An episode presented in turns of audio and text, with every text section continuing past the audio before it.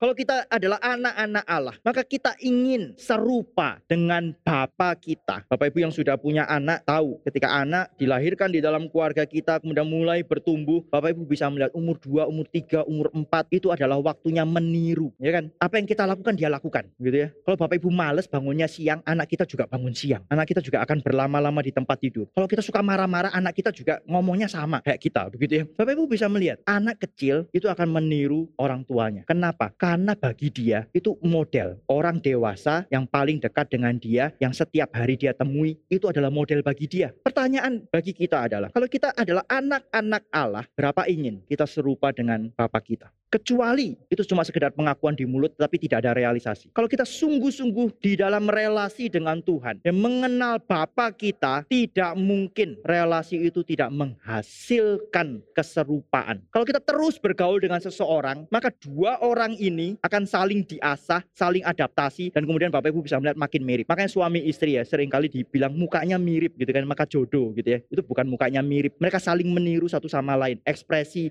saling meniru satu sama lain. Kenapa? Karena sudah lama berelasi. Berapa lama kita berelasi dengan Allah, dengan Bapa kita? Apakah kita makin serupa dengan dia? Adakah keinginan untuk makin mirip, makin serupa dengan Bapa kita? Makin serupa dengan Bapa, makin serupa dengan Allah itu apa? Di dalam bagian ini dinyatakan kita akan menyucikan diri dan tidak berbuat dosa lagi. Menyucikan diri dan tidak berbuat dosa lagi. Bapak Ibu manusia diciptakan di dalam gambar Allah dan di pihak Allah. Diciptakan di dalam gambar Allah dan di pihak Allah ya. Manusia tidak diciptakan netral, tidak pilih Allah atau setan, bukan. Tapi langsung diciptakan di pihaknya Tuhan. Tapi ketika manusia melanggar, melangkah keluar dari apa yang ditetapkan oleh Tuhan, satu langkah melanggar, satu pelanggaran di Taman Eden, itu menghasilkan dosa. Manusia jatuh ke dalam dosa. Kemudian Kristus datang, menyatakan diri pertama kali. Kalau Bapak Ibu membaca pasal 3 ayat 2 sampai 6 di situ di dalam bagian itu kita bisa melihat Kristus menyatakan diri untuk take away sin, menghapus dosa, mengambil dosa itu dari kita sehingga gambar Allah di dalam diri kita yang tadinya rusak oleh dosa itu dipulihkan, mulai dipulihkan dan ini akan terus dipulihkan sampai nanti kita disempurnakan. Maka Bapak Ibu lihat apa yang dikerjakan oleh Tuhan ini. Kita yang sudah jatuh di dalam dosa, gambar Allah yang sudah rusak di dalam diri kita karena dosa itu. Yesus datang untuk mengambil dosa itu, menanggungnya di kayu salib sehingga kita itu boleh dipulihkan di dalam gambar Allah. Dan makin lama Tuhan ingin kita diubahkan makin serupa dengan Bapa, makin serupa dengan anak. Saya sudah pernah mengatakan bahwa kita jangan cuma menganggap bahwa Yesus itu adalah Tuhan dan juru selamat. Ya, kita orang Kristen pasti mengaku Yesus adalah Tuhan dan juru selamat. Tapi ada satu hal lagi, dia juga adalah teladan hidup kita. Dia juga adalah model yang sejati bagaimana manusia itu seharusnya hidup di hadapan Tuhan. Ya, Kristus itu menjalani sama seperti kita. Dikandung itu artinya sembilan bulan. Dilahirkan sebagai bayi. Harus bertumbuh ya kemudian menjadi dewasa, melayani dan kemudian dia baru menebus kita. Kenapa